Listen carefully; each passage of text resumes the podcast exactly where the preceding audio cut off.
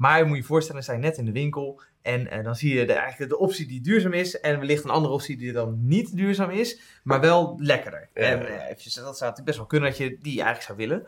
Ehm, en nou is natuurlijk de vraag, hoe weet je dat het niet duurzame optie is? Dan staat er Mhm. bijvoorbeeld onder nou, hè, de CO2-uitstoot. Dat is Ja, tegenwoordig natuurlijk een dingetje. Ook eh, Yogurt Barn was daar ook inderdaad eh, mee bezig om inderdaad ook eh, de echte uitstoot per product inderdaad, eh, neer te zetten. Eh, en wat je dus eigenlijk ziet met die willful ignorance, is dat mensen dus best wel bereid zijn om hun kop in het zand te steken. Eh, wanneer ze dus een product zien wat ze liever hebben, dan negeren ze er wat liever die eh, ja, informatie die niet helemaal in lijn ligt met hun intenties, eh, of in ieder geval hun, eh, eh, hoe ze zichzelf zien, namelijk als duurzaam persoon. Mhm. Goed dat je luistert naar de Neuromarketing en Gedragsbeïnvloedingspodcast. In deze podcast luister je elke week mee met de lunchwebinars van Unravel, waarin Tom van Bommel, Diede Vendrig en ik, Tim Zuidgeest, de laatste evidence-based insights uit de neuromarketing en gedragsbeïnvloeding delen. Vol met praktische insights die jij direct kunt toepassen. Voordat we beginnen met de aflevering, eerst nog even dit. Luister je graag naar deze podcast, maar zou je graag live vragen willen stellen en de key insights willen ontvangen? Schrijf je dan in voor onze webinars via unravelresearch.com. Zo mis je nooit de nieuwste evidence-based insights. Een hele goede middag bij weer een nieuwe lunchwebinar. Ja, de psychologie van duurzame merken. Zeker, ja, dat, eh, dat is me er een. Op vele verzoek eh, moet ik wel zeggen. Want we hebben best wel wat webinars gehouden de afgelopen twee jaar. Die gingen over branding. We hebben het over merk, imago bouwen in het algemeen gehad. Brand assets bouwen. Luxe merken, een specifiek webinar aan gewijd. En we krijgen steeds vaker de vraag... Hebben jullie niet eh, psychologische inzichten over duurzame merken? Waarom kopen consumenten duurzame merken? En hoe kun je een merk in de perceptie duurzamer laten worden? Hè? Qua versterking van het merkimago. En daar is heel veel onderzoek juist naar gedaan, vooral de afgelopen tien jaar. Dus nou ja, het komend uur gaan we daar induiken wat eh, de literatuur en ons eigen neuromarketingonderzoek daar allemaal over te vertellen heeft. Ja, ja want eh, er kan ook nog veel fout gaan, toch? Hè? Een beetje moet je denken aan greenwashing en dergelijke. Ja, ja er wordt heel vaak eh, soms te veel gepusht op duurzaamheid, waardoor het juist in de perceptie minder duurzaam wordt. En dat is natuurlijk echt een paradoxaal effect, dat je echt contraproductief bezig bent als merk. Dat mensen je als minder duurzaam beschouwen, omdat je het pontificaal op de verpakking zet. Ja. En nou ja, die best practices die zijn best wel eh, genuanceerd. En daar is gelukkig wel heel veel onderzoek naar gedaan, dus hoog tijd om het erover te hebben. Nou, zeker. Ja. Ik heb toevallig vorige week een eh, presentatie gezien van Wouter Staal van Ja. Yogurt Barn. Yogurt Barn, eh, denk ik beter. En, eh, Nee hoor, gewoon yoghurtbarn. ja, het is heel erg dit. Anyways, maar die zit inderdaad helemaal op dit, eh, dit vraagstuk. En eh, er komen ook vanuit de Europese Unie ook heel veel regelgeving aan. Eh, scope 1, 2 en 3 zijn een van die dingen die daarin gelden. Dus dat, dat er überhaupt een rapportage moet zijn over de uitstoot, volgens mij ook even als het goed zeg, scope 3 van je klanten. Ja. Ehm, dus eigenlijk alles rondom duurzaamheid, daar komt al heel veel in. Maar dan is eigenlijk de vraag die, die we dus daar ook veel gesteld kregen. Ja, hoe krijg je dat dan gecommuniceerd richting eh, je klanten? En of moet je dat communiceren? Dat is Ja, En hele, wanneer? Hè? Wanneer is eh, men daarvoor ontvankelijk? ja, hele legitieme vraagstukken. Hey, over duurzaamheid gesproken. Wat ligt er voor, eh, Ja, mooi voor je neus hier? Ja, nee Tom, Ja. ja, hier moeten we toch eventjes bij stilstaan. Ehm, voor de luisteraars, dus voor onze podcast, is het moeilijk te zien. Maar ik hou hier het beeldje vast. Zes kilo gewoon aan de haak. Ja, Ja. de Data en Insights Bureau van het jaar. We zijn vorige week ja, genomineerd en uitgeroepen tot het bureau van het jaar van de voorheen de MOA. En nu heet dat de Data Ja, Insights noem maar nog wel de MOA Awards. Dus die, die term, die wellicht faseren ze dat met de jaren maar je moet toch wat herkenbaarheid natuurlijk eh, intact laten. Eh, dus de MOA Award. Ja. Daar zijn we heel, heel groot mee. Daar zijn we super groot mee. Ja, het is echt. ehm, ja, eh, ik ben heel benieuwd, hoe, hoe is het voor jou, eh, Tom? Eventjes. ja, ja, dit, dit, voelt wel als moment op het podium dat je na de microfoon krijgt en wat gaat er nu door je heen? ja. Nou ja, heel, heel veel trots. Ik bedoel, eh, we doen dit werk nu elf jaar. Ehm, en ja, het is al zo cliché om te zeggen, we hadden nooit gedacht dat. En je weet natuurlijk, als je hiermee begint, nooit waar je uiteindelijk gaat eindigen. Maar dit vind ik zo'n mooie erkenning. Enerzijds natuurlijk van ons als bureau, want dat vind ik ontzettend vlijend. Maar anderzijds vind ik het ook dat het heel mooi, eigenlijk neuromarketing steeds meer op de kaart ook zet. Hm. Want neuromarketing is natuurlijk altijd al de vreemde eend in de bijt geweest binnen het hele palet aan marktonderzoek. En nou, hoe meer aandacht dat krijgt, hoe blijer we daarvan worden. Dus eh, ja, superleuk. Ja, ja, het is natuurlijk onze doelstelling om het minder een vreemde een te maken en meer een een vast onderdeel van ieders Ja, eh, dat wordt het steeds meer, maar daar is dit dan ook weer een teken van. Dus Ja. het is echt in die, die stroming, in die ontwikkeling, vind ik het een heel mooi toonbeeld. Ja, nee, zeker. Ja, ja. ja, en voor mij is het ook echt de, de erkenning eigenlijk die we dus hieruit vanuit de markt krijgen. Ja. Wij zijn natuurlijk hè, met z'n tweeën hier ooit eh, mee begonnen, wat je zegt, elf jaar terug. En ik vind het echt, nou ja, eh, het feit dat we dus al door de markt zo gezien worden, dat, dat vind ik echt, eh, ja, dat, ben- dat maakt mij dus heel eh, trots en blij. Dus dat, Zo, dus die gaat hier de komende 52 weken niet meer van de tafel af. niet meer van de Je tafel. hoorde het geluid ook. de website enzovoort. Ja. En, en een huishoudelijk dingetje. Ik zie al in de chat eh, heel veel mensen die ons feliciteren. Erg bedankt ook daarvoor eh, uiteraard. We vinden het sowieso leuk als je ook eh, aanwezig bent nu live. Er zijn weer veel live mensen die kijken. Laat het eventjes van je horen. Dat vinden we altijd leuk ook om te zien. Dat vindt de rest ook leuk om te zien. dat er inderdaad ook andere mensen aanwezig zijn. En het allerbelangrijkste natuurlijk, nadat je hoi hebt gezegd of iets anders. eh, als je vragen hebt, stel die dan ook in de chat. Want dan kunnen wij die meenemen. Gaan we doen. Hey, we gaan erin duiken, want we hebben ontzettend veel leuke inzichten te delen. En eerst gewoon even heel breed uit van eh, dat duurzame koopgedrag. Wat drijft dat? En daar zijn best wel grappige vondsten gevonden dat het niet alles zo rationeel is als dat je zou hopen, verwachten van mensen. Nou ja, daar kijken we natuurlijk vanuit neuromarketing niet van op, maar dit zijn wel eh, interessante voorbeelden. Eerst even aan het begin van duurzame opties, dat zijn natuurlijk in vele vormen en maten. Uh, en je staat gedurende de dag als consument voor heel wat duurzaamheidsdilemma's. Dus als jij een vliegticket koopt, ga je je CO2 compenseren. Dat is een vinkje in de app, vrij makkelijk, doe je dat. Uh, neem je naar je werk je eigen drinkbeker mee, of uh, nu ook naar de koffiezaak, geloof ik sinds begin juli. Volgens mij ook, ja. Dat zou zo zijn, uh, want de, er is een belasting gegeven op wegwerpbekertjes. Als je naar de Albert Heijn gaat, kies je voor een reguliere meloen, die je dus zelf helemaal in stukjes moet snijden. Of ga je toch voor het gemak van een geheel voorgesneden pakketje aan verschillende smaken van meloenen. Ja, dat zijn dilemma's. Hè? Het is een trade-off tussen duurzaamheid enerzijds en ja, gemak en ook wel genieten anderzijds. Ja. Als je gaat beleggen, ben je bijvoorbeeld bereidwillig om een lager rendement te accepteren wanneer die aan duurzamere fondsen wordt uh, gegeven of geïnvesteerd. Kijk. Ja, zeg het maar. Nee, ik vind het, uh, het, voor mijn gevoel, voor mij is het heel genuanceerd. En ik probeer inderdaad hè, heel vaak duurzamer gedrag te tonen. Ik, ik denk dat dat eh, wel een soort uh, nou, trend is, zou je bijna kunnen zeggen. Ja. Ik merk dan bijvoorbeeld, hè, bij, eh, als je het hebt over CO2 compenseren, dan merk ik dat wanneer het bij de KLM is, ik denk ja, het, het klinkt als te weinig geld en niet bij een onafhankelijke partij. Dus dan doen we het weer extern. Hè, dus dan Mhm. doe je extern dat. Maar ook inderdaad in de supermarkt. Ja, ik, ik vind, we hebben dan eh, voor de appels de kansie-appels, want die komen in principe uit Nederland. Maar ja, laatst had ik dan wel weer, eh, want die zitten dan weer in een plastic zak. Ja, ja. Want je hebt in een eh, bakje, maar je hebt ook uit een plastic zak. En dan heb ik die plastic zak. En dan denk ik toch bij mezelf, ja, dat is weer zo'n plastic zak erbij. Het, het, het is heel conflicterend. Ja, het wordt je niet makkelijk gemaakt.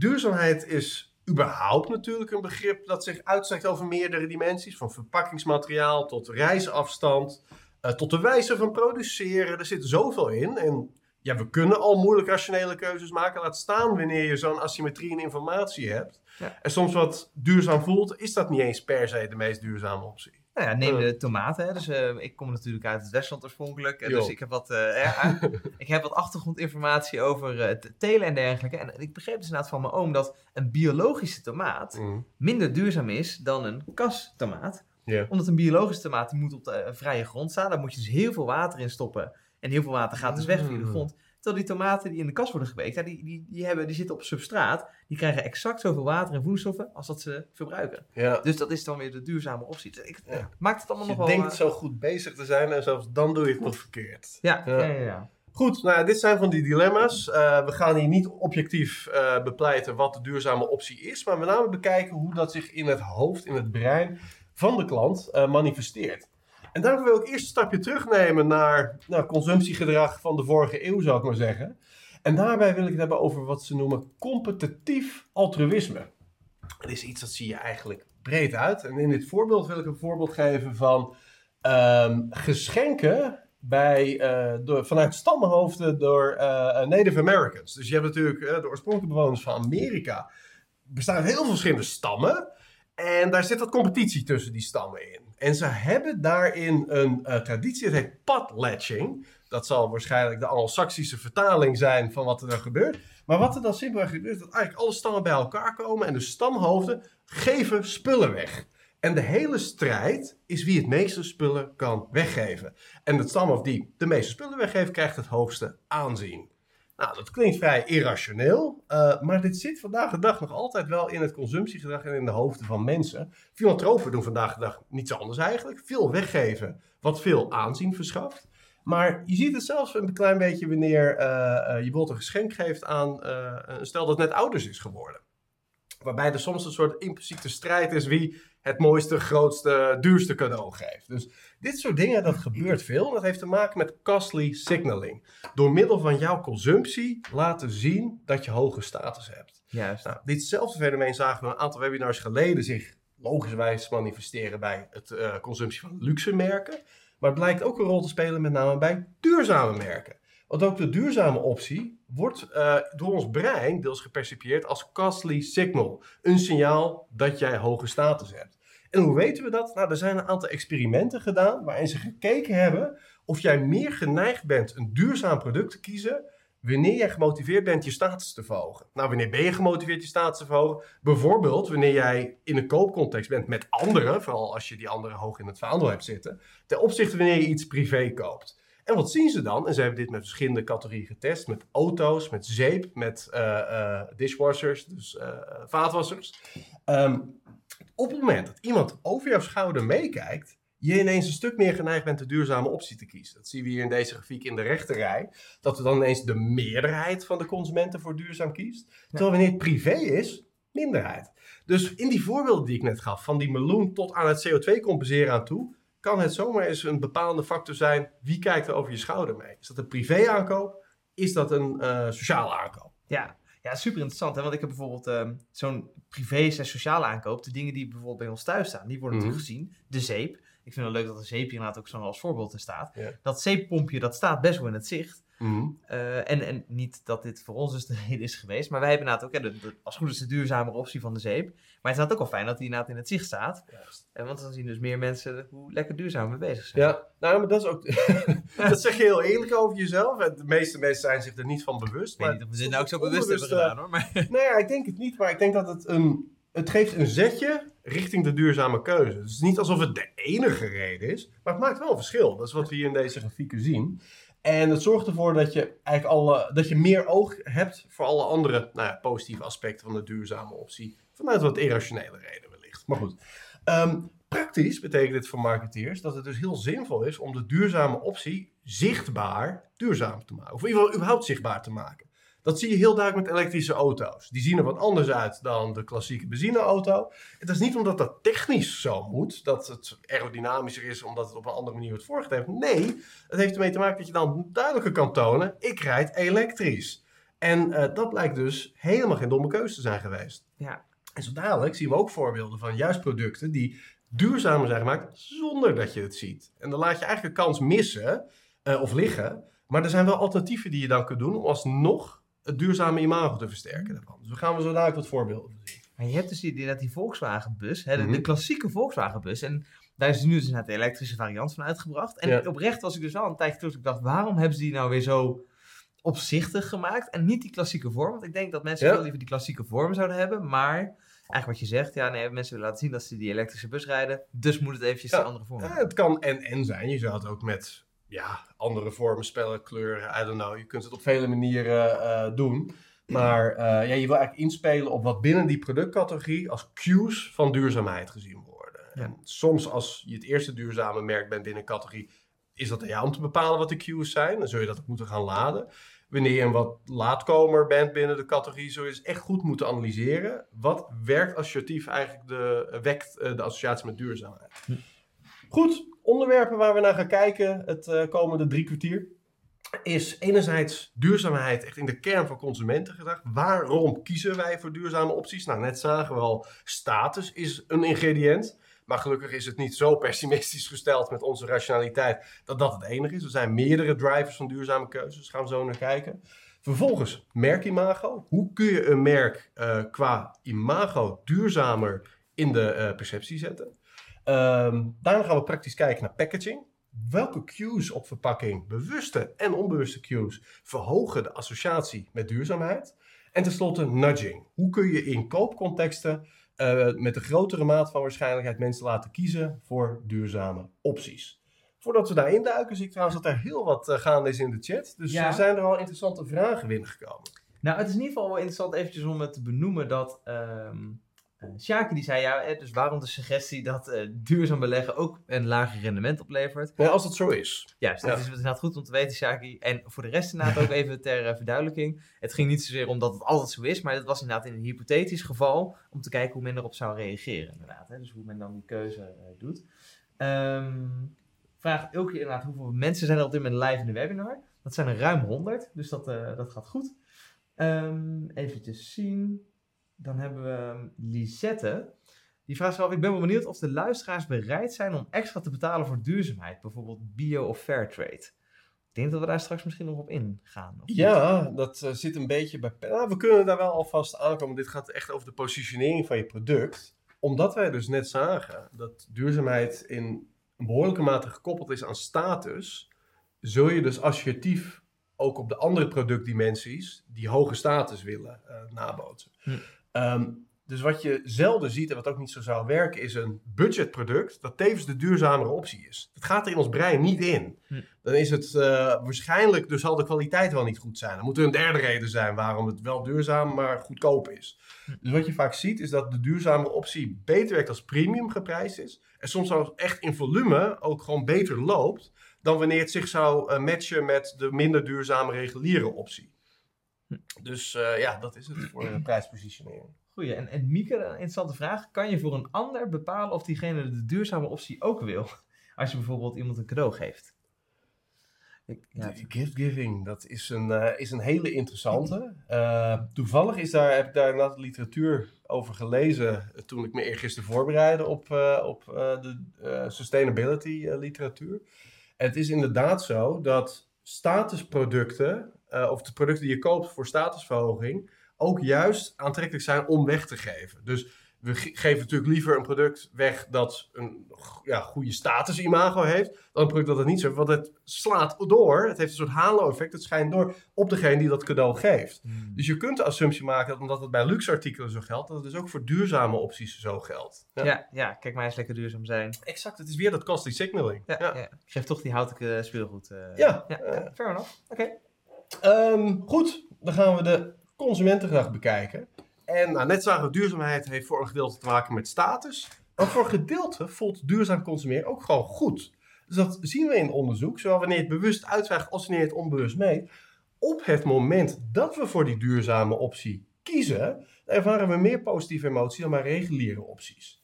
Dus dat zien we wel met name wanneer dat een vrije keuze of een persoonlijk relevante keuze is. Dus wanneer duurzaam wordt opgedrongen, dat werkt niet zo heel erg lekker. Maar wanneer het vanuit vrije keuze gebeurt, dan voelt het echt fijner om voor die optie te gaan dan eh, de reguliere opties. En dat vrije en persoonlijk relevante, wanneer eh, je ook enigszins in de motivatiepsychologie zit, raakt heel erg aan wat de drijfse intrinsieke motivatie zijn. Dat is autonomie, eh, mastery, beter worden in dingen en betekenisvolle zaken. Dat drijft eh, intrinsieke motivatie. En het is dus niet raar dat we exact dat ook terugzien in wanneer eh, duurzame aankopen tot positieve emotie leiden. Eh, praktisch betekent dus dat je met je communicatie eigenlijk moet inspelen op diezelfde drivers van die intrinsieke motivatie. Dus groepsbelang vinden we vaak veel belangrijker dan individueel belang. Daar gaan we zo dadelijk ook voorbeelden van zien. Maar wanneer je een optie, zeggen zonnepanelen, hè, de communicatie daarvan helemaal inzet op wat je financieel gaat besparen, werkt dat vaak juist averechts, omdat je daarmee de focus afhaalt van de wat meer intrinsiek gedreven variabelen die uiteindelijk leiden daartoe. Hm. Het verschilt waarschijnlijk enigszins van categorie tot categorie, maar dat is wat we dus globaal in de literatuur zien. Dus enerzijds, ja, hè, duurzaamheid voelt lekker, maar waarom kiezen we het dan niet? Hè, waarom zien we dan, en dit is echt een nieuwsbrief van vandaag, zien we nog steeds krantenkoppen voorbij komen met ruim 40% van de Nederlanders wil niet extra betalen voor duurzame energie. Nou heb jij net een nieuw huis, dus eh, hoe, zit het met jouw eh, duurzame eh, plannen? Ja, ik ben altijd wel benieuwd, met dit soort krantenkoppen, is het wat mensen zeggen of wat mensen doen? Want ja, Nou, als ze het al zeggen, meestal zit daar nog een gap tussen. Dus je hebt inderdaad, je kunt het ook lezen, 60% zou het wel bereid zijn. Ik denk dat het nog wel wat eh, erger gesteld is dan dat. Dat die 60% ook nog een gedeelte bevat die nu wel zegt duurzaam te willen kopen, maar het uiteindelijk niet doet. Want er is een behoorlijke gap altijd tussen intentie en daadwerkelijk gedrag. Precies. Ja. Maar goed, eh, ja, nee, voor mij thuis, dus inderdaad, we, we hebben net een nieuw huis eh, gekocht in Ja. Rosmalen. En eh, daarbij is het inderdaad wel echt de intentie om die flink te gaan verduurzamen. Ja, Ga je dat ook doen? zeker. Nou, over een jaar hebben we deel 2 van dit webinar Ja, ja, en dan zult u het antwoord zien. Ja, maar ik heb nu wel een soort publiekelijke statement gemaakt. Dus als ik het niet doe, is het dan wel kleiner. Zo, nou, als je het hebt over psychologische interventies om de gap tussen intentie en gedrag te vergroten, is commitment natuurlijk echt nummer één. Te verkleinen, ja. Ja, of te verkleinen, exact. Ehm, goed, waarom vindt ons brein dat zo moeilijk? Dat heeft te maken met temporal discounting. Dat is simpelweg het fenomeen dat we voor beloningen liever een beloning nu hebben dan later. Zelfs als die beloning later ietsje groter is. Dus in andere woorden, we hebben liever 900 euro nu dan over zes maanden 1000 euro. Ja. En dat is wat je eigenlijk over de grote groep vaak ziet. Ons brein is simpelweg evolutionair gezien gefocust op het eh, verkrijgen van de gain nu. Maar pijn juist uit te stellen. Hè? Dus een investering in zonnepanelen, dan denk je, ja, het levert me uiteindelijk wel veel op. Maar die gain kunnen we niet zo heel erg lekker concreet voorstellen. Maar het feit dat je nu een behoorlijk bedrag moet investeren om die zonnepanelen op je dak te krijgen, ja, die voel je direct. Hm. Dus ons brein is qua evolutie niet heel erg lekker geoptimaliseerd voor het maken van de duurzamere keuze over het algemeen. Dus dat zit tegen. En dat noemen we ook wel de present bias. Dus ons brein haat investeringen, we willen nu de lasten, eh, of nu de lusten en de lasten die komen, die komen later wel. En dat is met name funest voor energiebesparende producten. Dus echt dingen die een investering vereisen. Je hebt soms de duurzamere optie die gewoon per eh, aankoop eh, zo geldt. Hè. Dus je staat in de winkel en je hebt twee soorten meloenen. Ga je even voor verpakt of doe je zelf even wat moeite om het te snijden. Nou, dat is niet per se investeren, behalve het investeren in nou, een beetje moeite doen. Maar dit is met name dus voor die energiebesparende opties is die present bias een groot probleem. Eh, zo dadelijk, aan het eind van het webinar, zullen we ook wat oplossingen voor dat probleem doen. En een ander probleem is het willful ignorance effect. En daar eh, ben jij grootmeester in.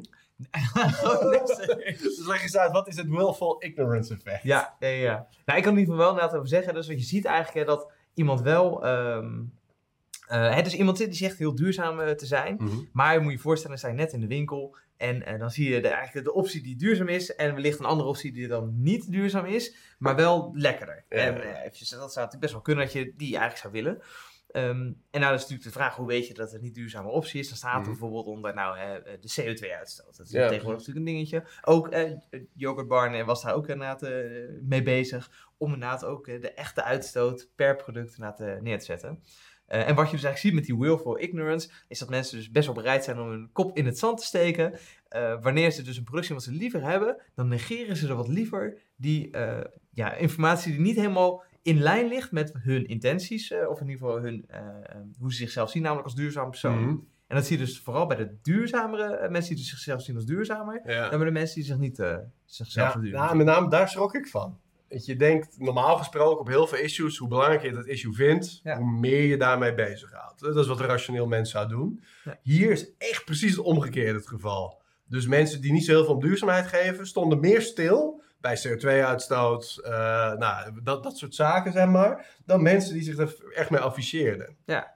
Ja. Zelfbescherming. Ja, dat is een zelfbescherming. Op zich is het ook niet heel gek, want als je er niet inderdaad heel veel om geeft, ja, dan kan je er naar kijken en denk je, het zal wel met zoveel CO2 is dat. Maar als je inderdaad iets wel omgeeft en het je eigenlijk dwars zit, Ja, ja, dan, dan negeer je actief negeren. Ja.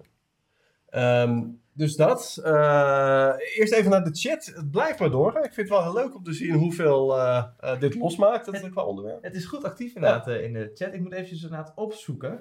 Ehm, pop, pop, pop, pop, pop. Dus dat, even zien. Ja, dat was het cadeau. Soms wil je als merk toch net niet het duurzame aspect benadrukken om greenwashing te voorkomen en authentiek over te komen? Vraagteken. zeggen. Ja, Zeker. greenwashing is het grootste probleem met eh, communicatie eh, over duurzaamheid. En we hebben er echt straks een heel stuk ook aan gewijd eh, wanneer je exact welke strategie zou moeten beoefenen. Want wat voor het ene merk prima, wat door het ene merk prima gezegd zou kunnen worden, zou exact diezelfde communicatie bij een wellicht ander merk tot greenwashing perceptie kunnen leiden. Dus het heeft te maken heel erg met hoe men jouw merk op dit moment ziet. Dat is een van de cruciale factoren. Gaan we zo dadelijk dus concreter eh, maken. Goeie, ja. En, en iemand vroeg inderdaad eventjes, wat is greenwashing? Dus voor de mensen die dat Oh, ja. niet weten. Nee, greenwashing is eigenlijk wanneer een bedrijf eigenlijk voor de bühne zegt, kijk eens hoe goed we bezig zijn. Maar dat eigenlijk helemaal niet zo druk is. Hè? Dus dat het vooral eigenlijk gaat over ja, een soort imago, om te laten, maar te laten zien dat je duurzaam bezig bent. Ja. Maar dat is daadwerkelijk niet bezig bent. Ja, dus dan ben je dus aan het, wat is de andere term ervoor? Ehm, je- Ik weet het niet. het komt van een andere term, zou je zeggen. Greenwashing. Nou, voor mij is het begonnen met greenwashing. Je hebt heel veel soorten washing in vandaag de dag. Ja, Eh, waarbij je dus eigenlijk heel gemakzuchtig wil scoren op een bepaald issue. Zonder je daadwerkelijk in te zetten als merk om dat te doen. Ja, precies. Je, je doorleeft het eigenlijk niet. Ja. Eh, Monique vraagt of we de opname nog sturen. Altijd inderdaad. Dus die komt er ook gewoon aan.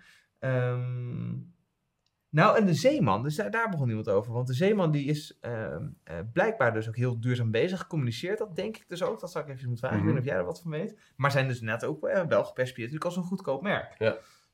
Jij zou zeggen op basis van wat we dus net zeiden... dat het niet per se een goede match zou zijn. Ehm, voor de gemiddelde consument die maar heel weinig aandacht besteedt aan wat communicatie feitelijk zegt, wat merken feitelijk doen, zullen ze snel tot de conclusie komen: het is goedkoop, dus het is niet duurzaam. Ja. Eh, het, is, het is een massaproduct wat zo goedkoop mogelijk gemaakt moet worden, zelfs als het niet zo is. Eh, dus dat is inderdaad een, eh, een grote uitdaging, denk ik, voor Zeeman. Wel eentje die ze zouden kunnen overwinnen, maar het betekent dat ze gewoon de wind tegen hebben. Dus dat ze eigenlijk drie keer harder moeten communiceren dat ze wel degelijk duurzaam zijn. Ten opzichte van een merk dat al premium is. eh, en dan gewoon simpelweg ja, duurzaamheid daar heel erg makkelijk in lijn mee kan brengen. Dat je een coherent, consistent geheel van merkassociaties hebt. Ja, ja voelt er inderdaad ook wel logisch, eh, inderdaad. Ehm, Oké, ja, dat is wel interessant. Dus Priska die benoemt, ja, er zijn volgens mij maar weinig merken die niet communiceren over een aspect wat ze verduurzaamd hebben. Hè, want het publiek verwacht dat je ermee bezig bent. Nou, er zijn, ik, ken best wel wat voorbeelden vanuit een, ehm, van brandmanagers waar ik mee spreek, die heel erg bezig zijn met verduurzamen, maar dit niet vermelden. Eh, Heel goed. ja, nee, en ook Show don't tell. ja, en ook heel erg vanuit de reden dat ze zien inderdaad dat ehm, het heel erg onder een vergrootglas wordt gelegd. Het ook niet per se de reden is waarom ze het doen. Heel vaak is er ook een soort intrinsieke motivatie vanuit Ja. een merk om het duurzamer te willen doen. Eh, en ze dat niet per se aan de bühne hoeft te, te op te Ja. Dus dat is eigenlijk ook best wel mooi. Ja. Ehm, Soms laten ze wellicht de kans liggen, maar soms zouden ze wellicht nog niet eh, het krediet hebben bij het publiek om het te mogen vermelden. Ja. Dat klinkt wat heftig, maar dat is dus wanneer je eigenlijk te pompeus bent in je duurzaamheidscommunicatie, dat men dus een eh, greenwashing associatie eh, met je krijgt. Ja. Want als je in, nou goed, daar gaan we het zo over hebben. Gaan we het zo in. Ja. Ja. Ja, en wat eigenlijk ook nog leuk is om, eh, om te vermelden, zeker ook inderdaad rond dit eh, onderwerp, is dat wij heel vaak hier ook voor gevraagd worden om te spreken op een mooi podium. Dat doen we ook Moet het wel natuurlijk. een mooi podium zijn. Dat, idealiter Ja. wel, ja. groot, mooi podium. Ehm, en dat leek me ons ook gewoon een mooi moment om even te benoemen dat zowel Tom als Diede als ik ehm, ja, ook in te huren zijn als sprekers over verschillende, verschillende onderwerpen. Dus we hebben het over duurzaamheid, natuurlijk heel vaak natuurlijk over neuromarketing in de retail, op websites, ehm, noem maar op. En dat doen we eigenlijk best wel vaak. De laatste tijd ook weer, eh, laatste maanden was het weer heel druk. We hopen dat er wat rustigere maanden aankomen met de zomer. Maar Dus eigenlijk zegt hij, bel ons nog niet, maar we doen het wel. Ons zeker. En, psychologisch is de geniale call to action. Het is gewoon reverse psychology. Ja, ja. Don't call us. Ja. En de telefoon staat rood gloeiend. Het is doen. Helemaal Goed, volgende onderwerp dat is eh, merkimago. Dus dan gaan we ook kijken naar greenwashing, maar ook nog naar een aantal andere aspecten van hoe jij als merk duurzamer gepercipieerd kan worden in de markt. Begint vaak wel met daadwerkelijk duurzaam zijn. Ik bedoel, deze technieken die we je dus nu gaan toelichten, eh, laat zich idealiter niet inzetten om te greenwashen. Dus wanneer je dit puur als pleister op de wonden van een anderszins onduurzame eh, operatie vanuit je merk wil gebruiken, denk ik niet dat je heel ver komt. Maar wanneer je als merk duurzaam bent of duurzamer wordt, zijn dit een aantal technieken die je kunt gebruiken om dat ook in de perceptie van de markt te versterken. En daarbij moeten we allereerst even terug naar de basis. Wat is een merk in het brein? Wanneer we dat snappen, dan kunnen we, besef, eh, kunnen we dat gebruiken om het imago in dat brein op een andere manier vorm te geven. Nou, een merk is eigenlijk niks anders dan een geheugenspoor in onze hersenen. En branding is in die zin ook gewoon geheugenmanagement. Het omvormen of het bouwen of het verversen, verfrissen van geheugensporen in ons brein. En dat werkt eigenlijk heel klassiek Pavloviaans. Hè, simpelweg, je ziet een merk, bijvoorbeeld Coca-Cola. En wanneer je gelijktijdig of vlak daarna een associatie opwekt met bijvoorbeeld duurzaamheid, maar dat kan voor alles zijn, luxe, lekker, welke associatie dan ook, die binnen het spectrum van dat merk zou vallen. Kerstmis. Kerstmis, nou inderdaad. Ja, Ja. hecht zich vervol wordt ook actief in het brein. En voor ons brein geldt dat cells that fire together, wire together. Dus wanneer bepaalde associatieclusters in ons brein gelijktijdig vuren, zullen die ook met elkaar verankerd raken, zodanig dat op een gegeven moment alleen nog maar de ene cluster hoeft te vuren en de andere gelijk een klein beetje meevuurt. En naarmate je meer exposures krijgt met het merk, bijvoorbeeld met duurzaamheid, zal dat meer en meer en meer zo zijn. Dus dat is wat je feitelijk wil. Het merk presenteren in contexten die men reeds associeert met duurzaamheid.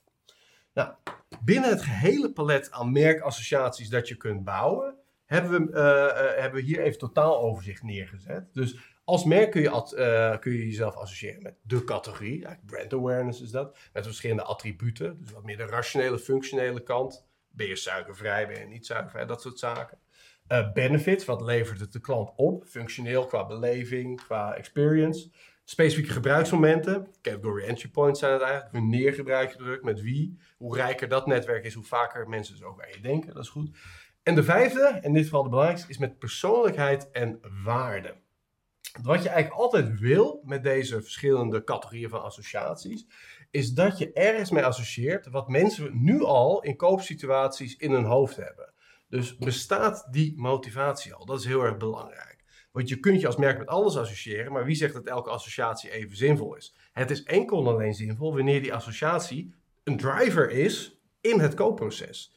Dus het is heel moeilijk om een nieuwe motivatie te creëren. Wat je moet doen als merk is je vastklampen aan reeds bestaande motivaties.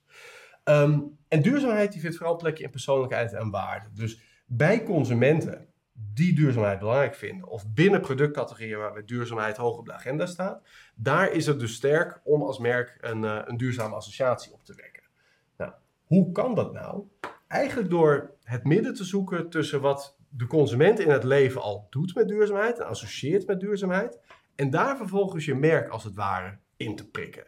Dus ook hier niet het ei van Columbus opnieuw uit willen vinden of heel informatief uitleggen, wij doen dit en dit en dit en dat is duurzaam, deze, deze, deze de reden, dan is de consument vaak al helemaal afgehaakt. Maar simpelweg de associatie met duurzaam opwekken. Nou, hoe kan je dat doen? Hier een, uh, een voorbeeld van IKEA, die uh, dit eigenlijk in een hele, bijna extreme vorm uh, toepast. You have the power to make a difference from the moment you wake up. Power your home with the sun. Refresh with a low flow shower. Feels good. Air dry your laundry instead of tumbling. Eat more leftovers and reuse a humble bag. Leave the car and use your legs. In a rush, take the bus. Become an expert recycler. Easy peasy. Enjoy fresh local produce. Make the things you love last longer. And give old treasures a second life. Good friends, they could last forever. For zero food miles, grow your own. For an extra quick meal, use a pressure cooker and induction hob. Eat more greens. Why not try some veggie balls? Choose a low flow tap. Power up your car with clean power. Power down your heating or aircon. All you need is great insulation. And LEDs? Always a bright idea. What a difference a day makes. Yes, dus wat we hier zagen was een duurzaamheidscollage van, uh, nou, ik denk dat niemand feitelijk zo leeft in elke opzicht. Maar er zit voor iedereen wel iets in. En daarmee activeert het een aantal dingen. Uh, enerzijds herkenbaarheid. Wat je eigenlijk wil, is dat je de persoonlijke waarde van iemand, die zichzelf zou moeten beschouwen als ik ben iemand die duurzame keuzes maakt, dat je die actief maakt. Hm. En dat is best wel lastig, want je weet niet per persoon in welke uh, opzichten van hun leven zij duurzaam zijn. Dus wat heeft IKEA gedaan? Die heeft gewoon echt met, uh, vanuit de heup geschoten met, met een shotgun. Die heeft gewoon twintig voorbeelden achter elkaar gezet. Waarbij voor iedereen, ik bedoel, zat er iets voor jou tussen wat je doet? Zeker. Uh, de, de leftovers, de, uh, god, we hebben veel dingen gedaan. Ja, nee, ja, zeker. Veel ja. voorbeelden, maar zeker. Precies. Ja. En daardoorheen verweven ze dan hun merk. Dus soms zag je gewoon een shot van, van het gebouw. Best wel slim, hè? Je denkt van, wat doet dat shot daar? Dat is dus juist heel belangrijk om in het brein die associatie te smeden, wat we dus eerder zagen, van die twee netwerken. Het IKEA-netwerk, wat hier zit, moet samenkomen met het netwerk van sustainability. Wat misschien totaal niet gerelateerd is aan IKEA.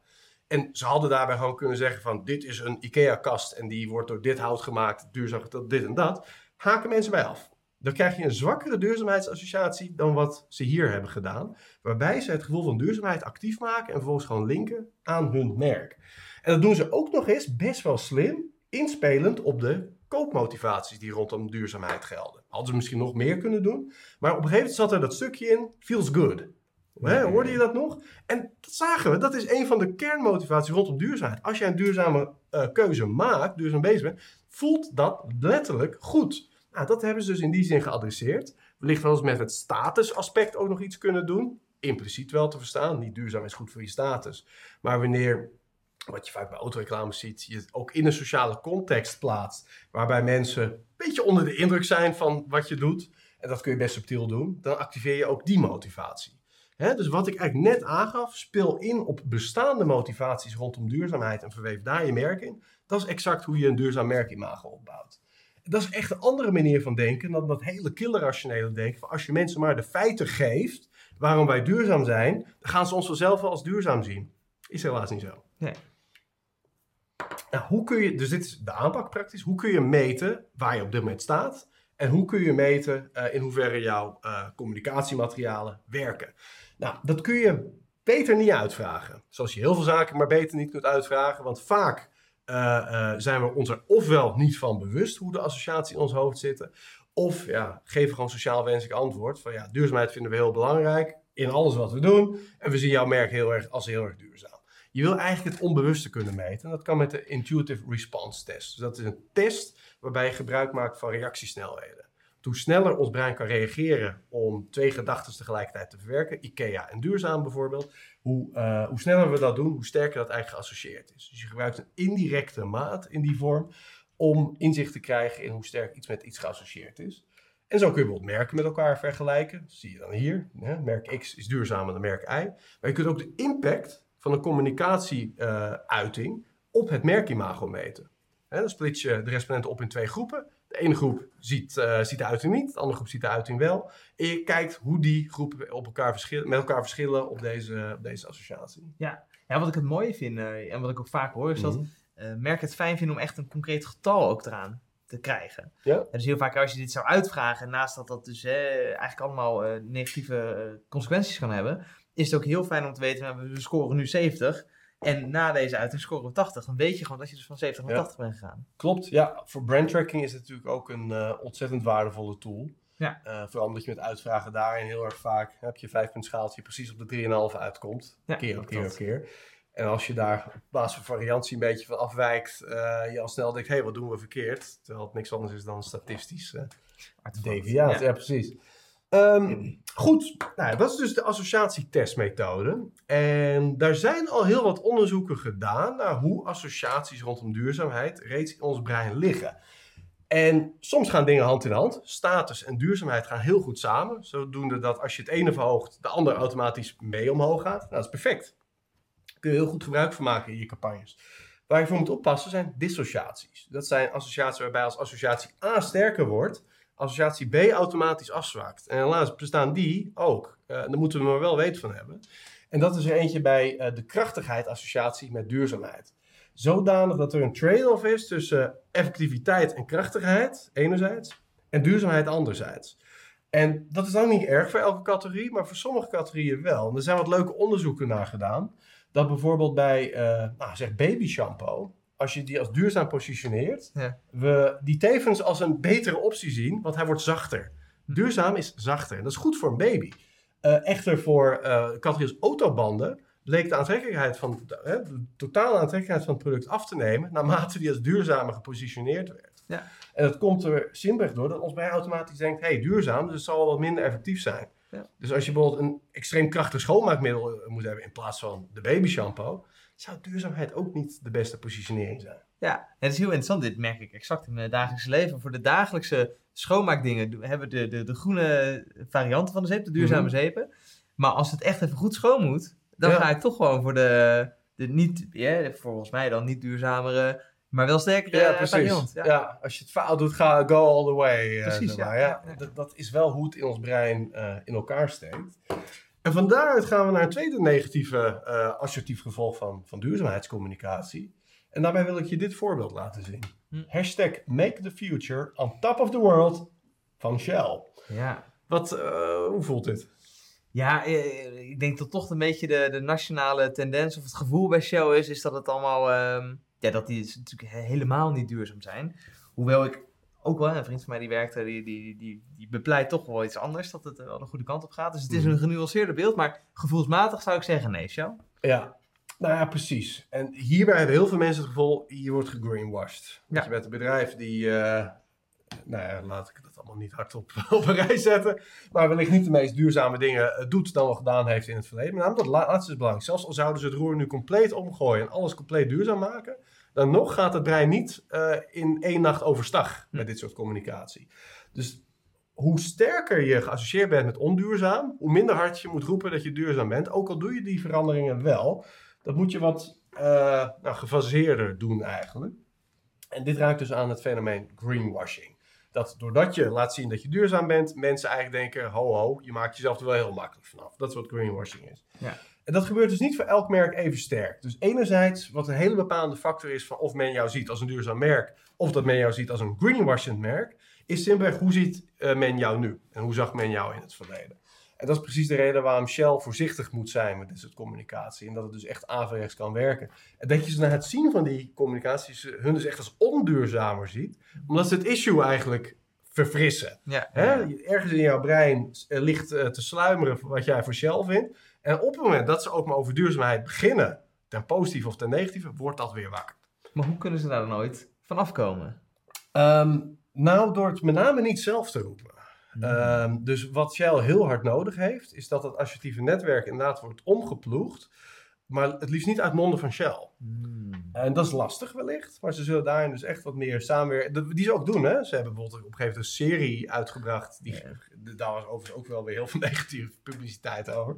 Maar die was dan, ja, was brought to you by Shell. En dat werd volgens mij gepresenteerd door Katja Schuurman. Ja, dan En- ging ze rondreizen met zo min mogelijk. Ja. eh, Of, ja, ja, Maar goed, Twitter stond er ook weer al helemaal bol van, eh, van nou, eh, Shell, ik geloof het allemaal niet zo hard. Dus het is gewoon ontzettend moeilijk. En wellicht, voor sommige merken is het simpelweg zo dat zij zo sterk verankerd zijn in het brein als niet duurzaam, dat je dat eigenlijk met geen mogelijkheid nog kan ombuigen. En je wat dat betreft aan rebranding moet denken. ja, ja. Ehm, dus dat is het enerzijds dus een factor. Hoe negatiever eh, je gepercipieerd wordt, eh, eh, of eigenlijk dat, dat is wat je ziet. Groene marketing versterkt de attitude die er al is. Dat is eigenlijk de makkelijkste conclusie. Ziet men jou al als groen en je eh, roept daarbij dus ook eh, eh, nieuwe associatie op met groen, zal men je nog positiever gaan zien. Nou, dat is wellicht wat met IKEA het geval is. Eh, terwijl je daar misschien ook objectief kan bepleiten dat het allemaal niet zo groen was. Terwijl als men jou als onduurzaam beschouwde, hoe hard je het ook roept over duurzaamheid, welke kant je het ook op wil buigen, men zal juist een negatieve attitude eh, daarin weer sterker ervaren. Ja. Greenwashing is ook specifiek eh, sprake van wanneer jij binnen een, hè, een breder scala aan producteigenschappen één eigenschap zou toevoegen die dan duurzaam is. Eh, dus een beetje als Jantje van Leiden, duurzaamheid is dat. Dus stel je hebt een eh, printer, daar is het in het onderzoek mee getest. Ja. Nou, die heeft een tal van hele onduurzame eigenschappen. Cartridge moet iedere keer vervangen worden. Het bestaat niet uit echt al te goed afbreekbare materialen. Maar je hebt wel de eh, loader gemaakt van een recyclebaar plasticje. Dat als enige ding.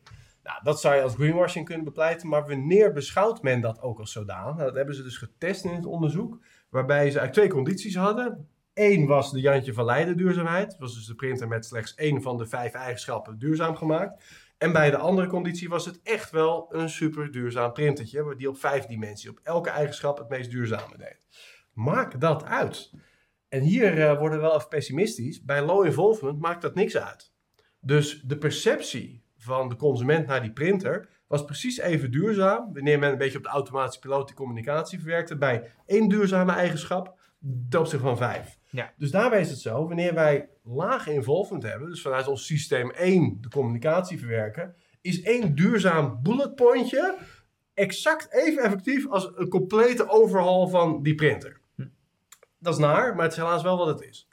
Ehm, bij high involvement communicatie, auto's en misschien ook wel bepaalde printers natuurlijk. Gewoon dingen waar we iets meer over nadenken voordat we het kopen. Is er gelukkig wel degelijk een duidelijk effect te zien dat we die greenwashing of het Jantje van Leiden duurzaamheid wel degelijk opsporen en dat ook averechts werkt. Dus doordat er één duurzame bullet aan is toegevoegd, maar een beetje gemakzuchtig, we het algehele product juist als minder duurzaam beschouwen dan dat het voorheen was. Dus dan werkt het echt averechts. Ja. Goed, gaan we naar de verpakking, want we hebben nog maar een kwartier. Eh, zijn er nog dingen in de chat? Ja, er zijn zeker dingen in de chat. Eh, best wel veel zelfs. Zo, Ehm, gaan we het wel redden. Ja, gaan we dat redden? Het is. ehm, eh, ja, dus Connie die vraagt zich wel af, ja, weet je wel, zoveel bedrijven die beweren dat ze duurzaam bezig zijn, dan lijkt het nu, het, het wordt een beetje een soort loze kreet, omdat iedereen het roept. Ehm, dus hoe kan zo'n claim dan toch nog geloofwaardig worden? Nee, je moet het niet claimen. Je, je moet exact wat IKEA doet. eh, je moet associaties oproepen die met duurzaam geassocieerd worden, die al in ons hoofd zitten. Ja, dus niet claimen, maar doen. Of eh, het eigenlijk Dat laten zien. enerzijds, precies. eh, Wees vooral duurzaam. Maar je komt er niet door het enkel en alleen als bullet points op je verpakking en in je reclame te zetten. Nee, het gaat over het oproepen van associaties met duurzaamheid. Ja, precies. Even zien. Ehm, zo moeten we de- Ja, dit is een interessante Mieke. Die heeft het over, hè, dus, eh, nou, net als met die wegwerpverpakkingen, dat wordt nu Mhm. opgelegd vanuit de overheid. En dan kan je natuurlijk wel afvragen eh, in hoeverre dit het bedrijf dit nou zelf wil of dat de overheid het, eh, of je het wil omdat de overheid het wil. Ehm, dan weet ik even niet wat de vraag erachter eh, is. Nou, het raakt wel aan een interessant punt helemaal aan het begin. We worden enkel gelukkig van een duurzame aankoop als we dat autonoom doen. Dus vanuit eigen motivatie. Wat dat betreft is bijvoorbeeld het eh, verplichten van het nemen van je eigen beker. Zal echt tot een aversieve respons leiden, eh, onder consumenten ook. Dat ze juist duurzaamheid aan zich als een vervelender issue gaan ervaren. Ja. Dat is een korte termijn effect. Ja, ja, volgens mij is het nu nog wel zo, ik weet niet hoe de wetgeving is, dat je nog wel een soort met de keuze hebt. Dus of je betaalt meer voor de wegwerpbeker, Ja. of je neemt je eigen beker mee. Slimme tussenfase. En dan op een gegeven moment wordt het algehele wegwerpmateriaal verboden. Ja, dat is goed. Ja, is. Ja. Dat is heel interessant, want Miranda zegt eigenlijk weer, IKEA staat dus juist bekend natuurlijk ook met een lage prijs en niet bekend als een premiummerk. Is de toepassing van deze strategie dan voldoende om hun prijsimago te overstijgen? Of levert dit juist het risico op voor een associatie met greenwashing? Ja, dat is wel interessant van IKEA. Die, dat is qua prijsimago en kwaliteitsassociatie sowieso een beetje een eigen beestje. Eh, want heel vaak gaat, is er een dissociatie tussen prijs en eh, kwaliteit. Dus als iets goedkoop is, zal het wel slecht zijn. Bij IKEA gaat het niet helemaal op. En verschilt ook die associatie met, met goedkoop best wel van persoon tot persoon. Zo goedkoop zijn ze feitelijk ook niet meer vandaag de dag. Ze hebben alleen, en dat doen ze heel slim, bij elke categorie een aantal hele goedkope entry-level meubels. Hm. En daarin verschillen ze wel degelijk van andere uh, woonwinkels. Dat je inderdaad voor 80 euro een kast kan kopen bij IKEA. Toch is de gemiddelde kastprijs bij IKEA precies even hoog als heel veel andere meubelzaken. Maar ze kunnen jouw perceptie slim bespelen door een aantal key artikelen te plaatsen, de Billy, uh, die we gewoon met goedkoop associëren. En die blijven hangen. Ja, mooi. Dus dat hebben ze inderdaad heel goed weten te differentiëren dan. Ja, klopt. Um, even zien, nou, in ieder geval leuk. Er zit iemand in die, uh, die de PR en media doet voor een bedrijf in de autobanden. Dus daar is het super interessant voor. Oh, leuk. Um, en Lisette die zegt, ja, volgens mij heeft Vattenval het wel voor elkaar gekregen om het grijze imago om te buigen naar groen. En fossielvrij binnen één generatie. De vraag is natuurlijk of dat gelukt is of niet. Dat zou, ik zou daar heel graag een IRT tegenover zetten. Het is sowieso natuurlijk echt wel een hele lastige categorie. Want je levert gewoon een product dat, ter, dat bijna niet duurzaam kan. Het is alleen zo min mogelijk vervuilend. Maar het beste is geen energie gebruiken. Ja, fair enough. Maar goed, en Vattenval doet elektriciteit. Binnen is ook gas doen. Dus ja, nou ja, maar elektriciteit moet opgewekt worden. En daar komt van alles bij kijken. Um, dus misschien doen ze het het minst slecht. Ja. Uh, maar dat, dat is wat we vaak bij die categorie zien. Uh, in de, ik bedoel met het minst slecht niet in de marketing. Die kan perfect zijn in wat er te halen valt. Maar het is simpelweg in de hoofden van de consumenten heel lastig om in de categorie van energie echt een duurzaamheidsassociatie te krijgen. Vaak is het het minst onduurzaam. Ja, nee, precies. Ja. Dat waren ze. Laten we snel okay. doorgaan. Ja, nou, we gaan gewoon kijken wat, uh, wat past. We hebben de packaging natuurlijk. Met heel veel producten waarbij duurzaamheid een issue is, is duurzaamheid juist een issue vanwege verpakkingsmateriaal. En het feit dat het getransporteerd moet worden. Dus is er echt aan de tastbare kant best wel veel te winnen. En daarbij de vraag vanuit onderzoek: wat maakt een verpakking nou sustainable? En er zijn, ons brein gebruikt daarbij twee soorten cues. Uh, enerzijds de expliciete uh, onderdelen van de verpakking, dus statements, labeltjes, dingen die gecommuniceerd worden. En dat is binnen het systeem 1, systeem 2 denken van het brein. Hè. Systeem 1 heel erg automatisch piloot, systeem 2 meer doordacht. Is dit echt het systeem 2 materiaal. Dus dingen die we eigenlijk alleen verwerken als we daar echt de tijd en de moeite voor nemen. Wat we heel erg vaak niet doen. En dit verklaart heel vaak waarom uh, brandmanagers, productmanagers zich soms echt in het haar wrijven van... Waarom ziet men ons niet als duurzaam? We hebben toch hier en hier en hier op de verpakking gezet. Dat is wel zo, maar men leest het niet. Ja. Want ze zijn vanuit systeem 1 aan het kopen. Dus dat moet je echt op een andere manier doen. Nou, de impliciete tegenhanger daarvan, dus wat meer onbewuste cues die je op een verpakking kan doen, zijn zaken waar men onbewust afleidt, hey, dit zal wel een duurzaam product zijn. En dan moet je denken aan dingen die we kunnen zien, dus visuele eigenschappen. Groene kleur bijvoorbeeld, komt heel erg uit uh, onderzoek naar voren. Uh, visuals die natuurlijk zijn. Dat kan enerzijds een uh, visual tekening of foto van bomen zijn. Maar ook überhaupt het vormenspel kan natuurlijk ogen met iets meer rondige vormen. Of juist meer artificieel ogen met meer hoekige vormen. Dus ook het vormenspel heeft daar invloed op. Ja. Ook wat we in, met onze uh, tast voelen. Dus uh, materiaal, met name ruwe materialen en uh, een beetje kartonnige materialen, worden altijd als duurzamer gepercipieerd. ook matte stoffen ten opzichte van glanzende stoffen worden als duurzaam gepercipieerd. Zie je bijvoorbeeld bij de chips. Hè? Dus je hebt de wat meer natuurlijke chips, die zijn vaak een matte verpakking. Uh, terwijl die glanzende folie, dat is wel het klassieke, uh, nou, minder duurzame aspect, zeg maar. Dit zijn allemaal dingen die zijn in ons brein al verankerd als zo voelt en ziet duurzaamheid eruit. Dan is vervolgens de vraag, moet je zoveel mogelijk op één hoop proberen te gooien? Hè, dus zoveel mogelijk technieken in een verpakking verwerken om maar uh, zo sterk mogelijk associatie met duurzaamheid te bewerkstelligen? Of is het slimmer er enkel een paar door te voeren? Nou, daar is recentelijk een onderzoek naar gedaan, vorig jaar. En daarbij zien we een interessant uh, fenomeen dat statements kunnen overkill zijn. Dus dat je eigenlijk te veel hardop duurzaamheid aan het beklemtonen bent. Uh, en dat is met name zo wanneer er al heel wat impliciete associaties op je verpakking zijn. Dus de impliciete kant, hè, de rechterzijde van wat ik net liet zien, visuele eigenschappen, de tasteigenschappen die het gevoel met duurzaamheid opwekken, maken het bijna onnodig om nog al te groot uh, ook te zeggen: het is van recyclebaar materiaal, het is uh, minder plastic, uh, dat soort uh, claims. Dus dat is wel een interessante, dat soms dan less is more. indien je juist een verpakkingsinnovatie doorvoert die je niet merkt, en dat is bijvoorbeeld bij Coca-Cola recentelijk gebeurd, die hebben een meer recyclebare plastic variant, of daar zaten in ieder geval andere stoffen in, maar als consument merkte je er niks van, dat was voor je gevoel precies dezelfde fles, dan heb je juist die claims nodig. Hm. omdat je juist dan impliciet eigenlijk niks communiceert, heb je het juist de expliciete, uh, claims nodig. Maar wel met een uh, addertje onder het gras. En daar heb jij nog een mooie case van. Ja, ja want de vraag is natuurlijk, hè, wanneer communiceer je dat dan? Ja. En wat is dan de... de... En hoe? En hoe, juist. En, en dat zie je dus hier een heel mooi voorbeeld wat we dus nou op het Heijn zagen liggen. Um, ja, de, de chocoladerozijnen. En er stond dan heel groot als claim op, ja, 15% minder plastic en goed hersluitbaar. En het interessante is wat we eigenlijk zien als die consument uh, aan het shoppen is. En zeker in zo'n emotionele categorie, tenminste even emotioneel als in, hè, er zit wat meer emotie om. Je gaat vaak die rozijnen met vrienden eten, met een borrel, hè, gezelligheid. Um, ja, dan zie je dus dat je men eigenlijk in die emotie wil houden, die gezelligheid. En zo'n claim, wat hij op dat moment eigenlijk doet, is dat hij dus ja, uit die emotionele uh, mindset haalt en een wat meer functionele duurzaamheidsmindset zet. En ja, dan heb je opeens een, een soort gekke mindset, want je wil die chocoladerozijntjes kopen voor de gezelligheid. Maar als je aan duurzaamheid denkt, ja, wat is dan nog beter dan 15% minder plastic? Ja, 100% minder mhm. plastic door hem niet te kopen. Dus het, het, is een hele, het op zich natuurlijk heel goed dat ze mee bezig zijn en ook een goede claim. Alleen hij komt op het verkeerde moment. Ja. Het zou veel slimmer zijn om deze claim natuurlijk te maken uh, op de achterkant van een verpakking. Want dan heb je hem wellicht al op, dan ben je al klaar met de verpakking. Dan zie je wellicht ook de achterkant of de onderkant. En is dat moment, hè, dan moet je ook bedenken, wat ga ik nou met die verpakking doen? Dan zou het de duurzame optie natuurlijk ook zijn om hem te scheiden, als het nog steeds eh, beter werkt. bij Utrecht kan je inmiddels ongeveer hetzelfde gooien, omdat het scheiden blijkbaar beter gaat uh, in, de, in de afvalfabriek dan, uh, dan bij zelf. Desniettemin, dan is het moment waarop je deze boodschap natuurlijk zou willen benoemen. Ja, ja, hele interessant inderdaad. En die hebben we ook doorgetest, staat een case op onze website met uh, VitaPep verpakking. Waarbij letterlijk het zien van die claim de perceptie van duurzaamheid gewoon verlaagde. ten opzichte van een complete claimloze verpakking. Het probleem werd letterlijk opgeblazen in het hoofd van. Uh, ja, je maakt het opeens duidelijk. Ja. ja. Hey, en dan tenslotte, want na het uh, gebruik van het product moet je ook nog van die verpakking af.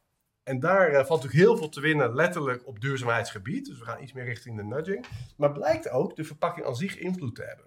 En dan met name de mate van verandering die de verpakking doormaakt. Van het moment dat het product er nog in zit, totdat je het op hebt. Dus je ziet op deze sheet een eh, flesje met water. Ja. Heb je hem leeg, ziet er nog precies hetzelfde uit. Met een blikje is dat al iets anders, hè? Eh, bij veel mensen althans. Begint zoals je eh, links een mooi blikje cola ziet. En rechts is hij helemaal samenge... eh, ja, wat is het? Eh, Nou, geperst. Samengeperst Moet je niet meer doen, hè? Maar- Nee, want dat valt niet meer te recyclen. Nee, Dus- nee ja, hij valt al te recyclen, maar je kan hem niet meer inleveren. Ja, oh, dat, ja precies. Dus, Ja. eh, de, de- Dan gaat je eh, 5 cent. Ja, dan gaat je nee, 15, toch? 15, oké. Ja. ja.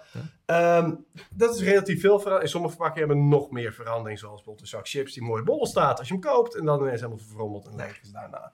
Nou, het blijkt zo te zijn dat eh, hoe meer verandering een product doormaakt, hoe minder be- bereidwillig we zijn die te recyclen. Ja. Ehm, want in ons hoofd eh, is het dan niet meer bruikbaar.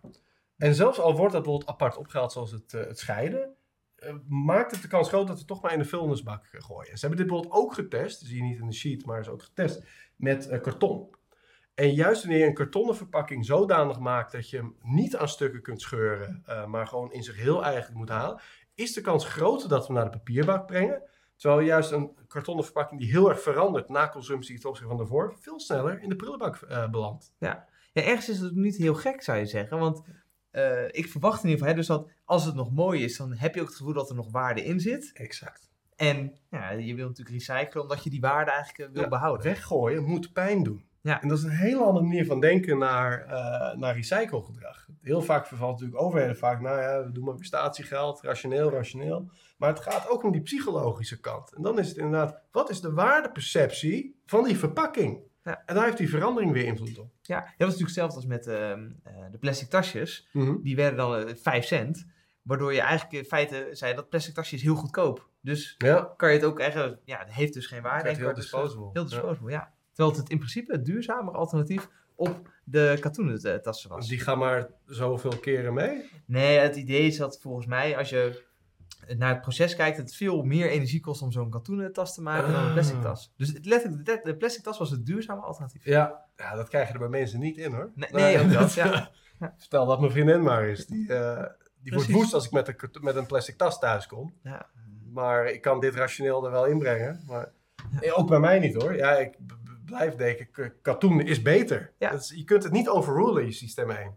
En je plastic is per definitie slecht. Terwijl Duplo, hè, natuurlijk ook van plastic gemaakt, Ja. gaat generaties mee. Super, super duurzaam. Ja, als het maar niet in zee belandt. Dat, het is met name, eh, hoe kom je er vanaf? Ja, op een goede manier. Ja, gewoon op marktplaats zetten. Dat is wel veel waard. ja, ja zeker. Eh, chat, hebben we daar nog... eh, Nee, het valt mee. Het heeft niet veel meer vragen opgeroepen. En dat komt ook goed uit qua tijd. Zeker. Nou, we hebben nog enkel wat nudges te gaan. Wat kun je nou in de koopcontext op het beslissingsmoment doen om eh, de duurzamere optie aan zich aantrekkelijker te maken? Dus we gaan even iets breder denken dan enkel de merken, maar echt naar de omgeving van de keuze. En allereerst weer helemaal terug naar het begin, die present bias. Hè? Dus dat we meer waarde hechten aan wat we nu krijgen dan wat we in de toekomst kunnen, eh, qua investering zeg maar, eh, kunnen krijgen. Nou, daarbij blijkt het effectief te zijn als je mensen juist de duurzame keuze wil laten, hun te primen met een toekomstgerichte focus. Hoe doe je dat? Stel, ik stel jou de vraag, hoe wil je dat je kinderen en kleinkinderen jou zullen herinneren? Dat is een activatie van een toekomstige focus.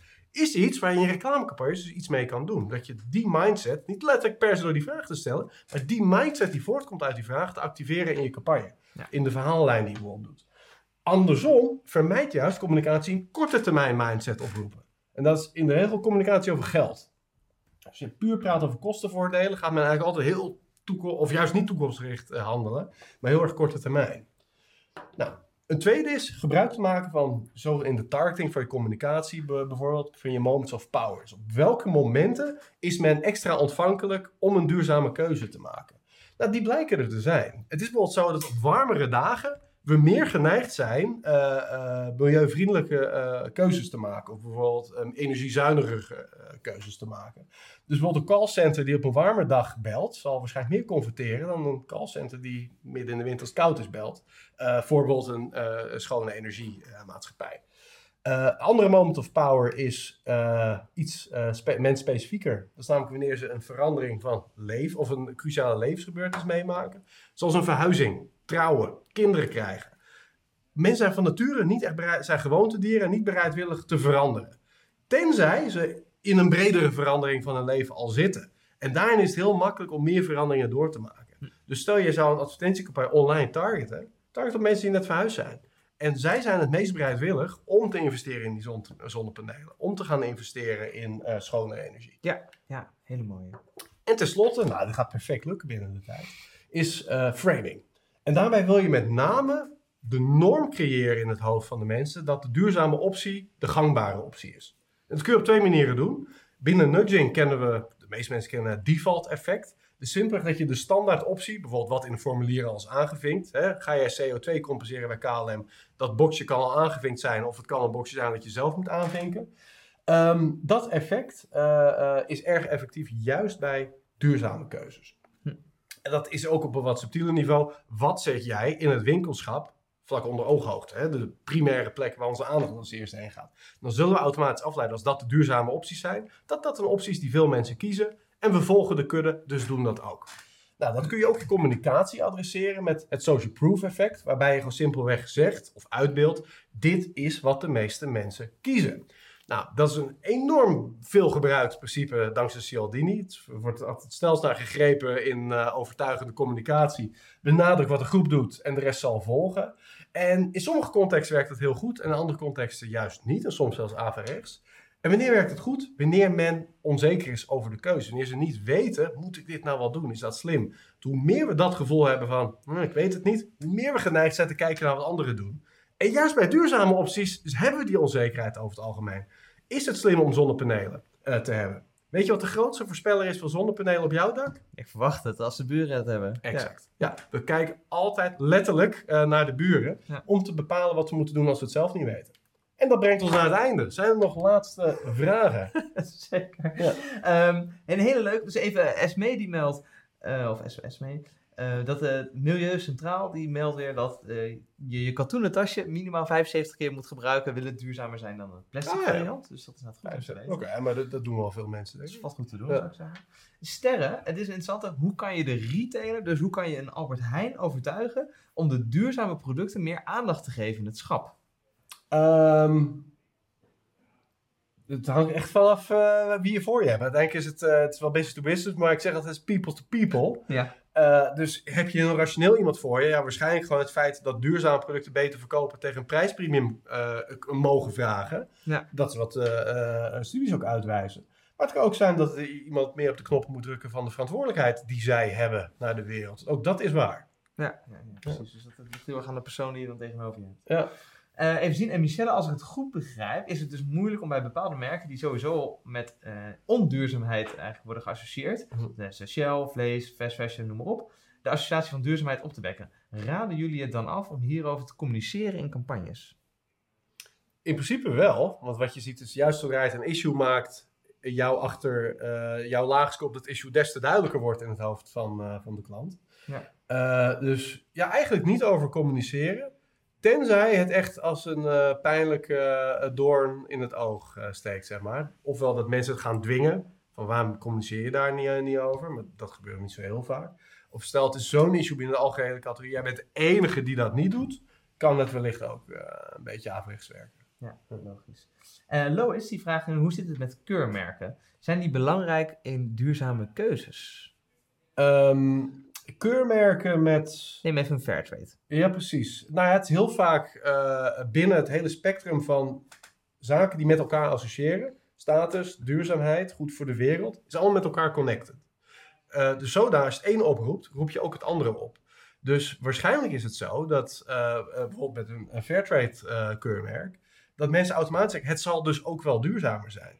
En als die cues elkaar versterken, dus je hebt en een verpakking die uh, nou, duurzaam voelt, en je ziet dan ook die cue, is het des te makkelijker keuze, dit is goed. Hm. En het voelt ook des te beter. Dus waarschijnlijk heeft dat een versterkend effect. Ja, leuk. Um, juist. Gaan we hem afsluiten? Ja, Priska die vraagt nog of het verschilt per productcategorie. Eh, categorie. Heel erg. Ja, elke categorie heeft zijn eigen mores. Uh, ook wat concurrenten doen verschilt heel erg per categorie. Sommige zijn al heel vooruitstrevend in duurzaamheid. Andere beginnen net een beetje het ging over de keurmerk specifiek dan ook. Oh, de keurmerk. Ja, nee, dus de keurmerk of daar dan een verschil zitten tussen de oh. categorie. Ja, een keurmerk aan zich denk ik niet. Tenzij je het bij een categorie toepast waarbij je denkt, waar is dat keurmerk nou voor nodig? Nee. Eh, bijvoorbeeld iets wat heel Hollands is. Ja, dat is, dat is, dat is niet waar Fairtrade voor, voor bedoeld is. Ja, ja, ja. Eh, dus de Hollandse haring, zeg maar wat. Ja, ja, ja, ja. het moet sens maken. Anders Ja. dan gaan mensen ook raar denken. Los daarvan kun je het bij eh, veel categorieën gebruiken. Dus- Eh, ik zeg laten we doorgaan voor de takeaways, eh, Tom. Nou, kijk, dat is gewoon lekker de laatste sheet voor de mensen die de sheets eh, downloaden. We Ik denk uiteindelijk dat we, wat we gewoon zien is dat duurzaamheid wel echt een binnen het associatieve netwerk een win-win situatie op kan leveren. Het is goed voor de wereld, maar het is juist ook iets wat het consumptiegedrag kan sturen richting de duurzaamheid als je het goed doet. En daar hebben we in dit webinar heel wat voorbeelden van gegeven, waarbij vooral de rode draad is het wat implicieter, wat meer op het onbewuste in te spelen. En dat als je enkel met een paar claims in je reclame of op een verpakking denkt je eh, duurzame vinkje te zetten, in het brein er nog lang niet bent. Ja, nee, ja, Ja. ja. Fair enough. Ontzettend bedankt weer. Mhm. Jullie ook voor het kijken vandaag en de vele vragen en de grote eh, aanwezigheid er weer. Ik zie ook inderdaad dat er ook weer danken voor komen. En Floris die zegt, ik begrijp waarom jullie de prijs gewonnen hebben. Nou, dat, dat zijn nog eens eh, complimenten, Floris. Dankjewel. Eh iedereen bedankt. Eh, wat is de volgende webinar? 19 juli? hoofd? juli. Ja. Dus dat is exact over twee weken op 12 uur. Op woensdag gaan we het hebben over de psychologie en neuromarketing van in-store communicatie. Dus je bordjes, je prijskaartjes, packclaims, alles wat qua communicatie op het koopmoment plaatsvindt. Hoe maximaliseer je aandacht? Wat weten we op basis van eye-tracking wat goed opvalt en wat niet? En hoe kun je het brein nou echt ook prikkelen om uiteindelijk tot een aankoop te komen? Want aandacht is maar de eerste helft van het verhaal. Maar je moet het brein uiteindelijk ook verleiden tot eh, echt die keuze. Dus daar gaan we het over hebben, volgende, over twee weken. Nou, ik, eh, ik ben weer benieuwd. Ik ben zelf dan op vakantie in Frankrijk. Ja. Dus dat is weer leuk. Ehm, nogmaals iedereen, dankjewel voor jullie aandacht en graag tot de volgende webinar. Voordat je gaat, nog een paar dingen. Vind jij het belangrijk om op de hoogte te blijven van dit soort nieuwe inzichten? Schrijf je dan in voor onze webinar nieuwsbrief op unravelresearch.com. Wist je trouwens dat Tom, Diede en ik ook te boeken zijn als gastspreker? Of als je meer de diepte in wilt gaan voor een in-company masterclass of inspiratiesessie? Neem voor meer informatie hierover contact op met emily at.